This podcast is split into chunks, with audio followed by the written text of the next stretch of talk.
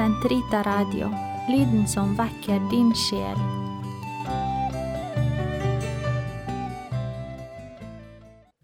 Den katolske kirkes katekisme, uke 48, fredag 1618 til 1624.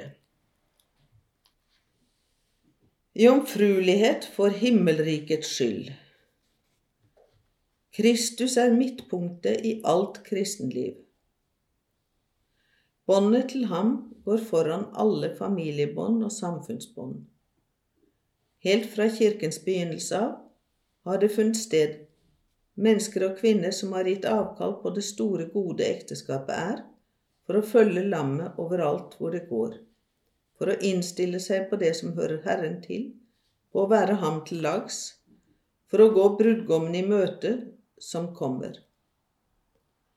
Kristus selv oppfordret enkelte til å følge seg på denne måten han selv er forbilde på. Det finnes gjellinger som er født slik fra mors liv av, og det finnes gjellinger som er blitt gjeldet av mennesker, og det finnes gjellinger som har gjeldet seg selv for himmelrikets skyld.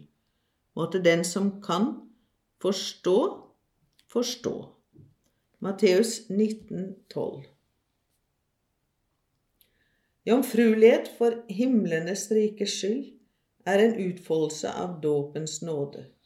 Et mektig tegn på at båndet til Kristus er sterkere enn alt annet, på forventningen om hans gjenkomst, og også et tegn på at ekteskapet er en virkelighet som tilhører denne verden, den som forgår.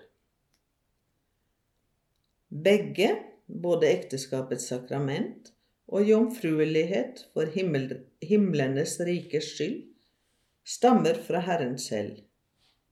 Det er Han som gir begge mening, og som gir den nåde som trengs for å leve i dem i samsvar med Hans vilje.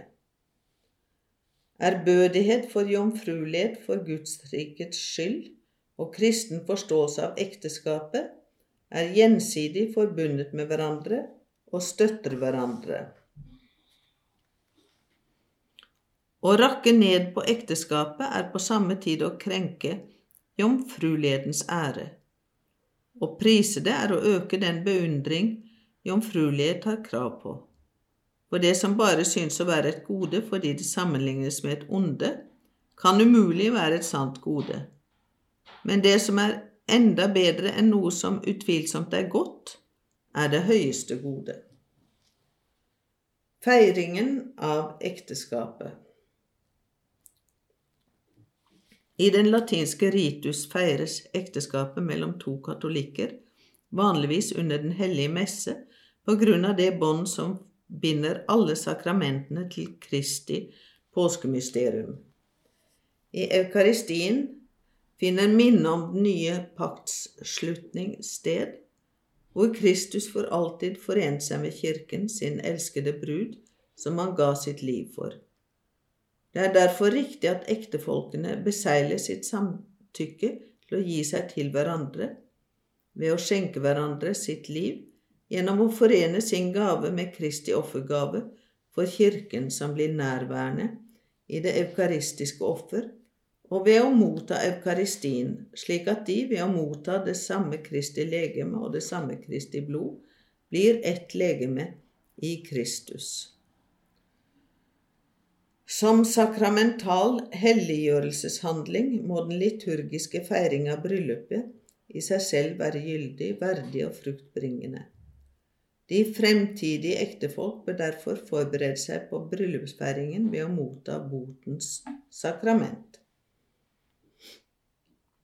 I den latinske kirke mener man vanligvis at det er ektefolkene som meddeler hverandre ekteskapets sakrament som tjenere for Kristi nåde ved å gi sitt samtykke i nærvær av Kirken.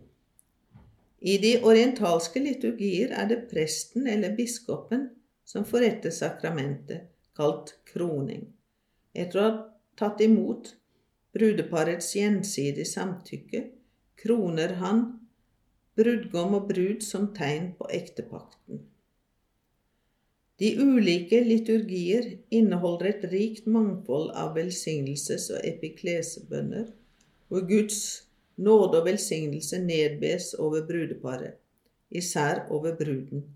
I epiklesen i dette sakramentet mottar ektefolkene Den hellige ånd som samfunn i kjærligheten mellom Kristus og kirken. Det er Han som er seilet på deres ektepakt, kilden som aldri tørker ut for deres kjærlighet, kraften deres troskap fornyes ved.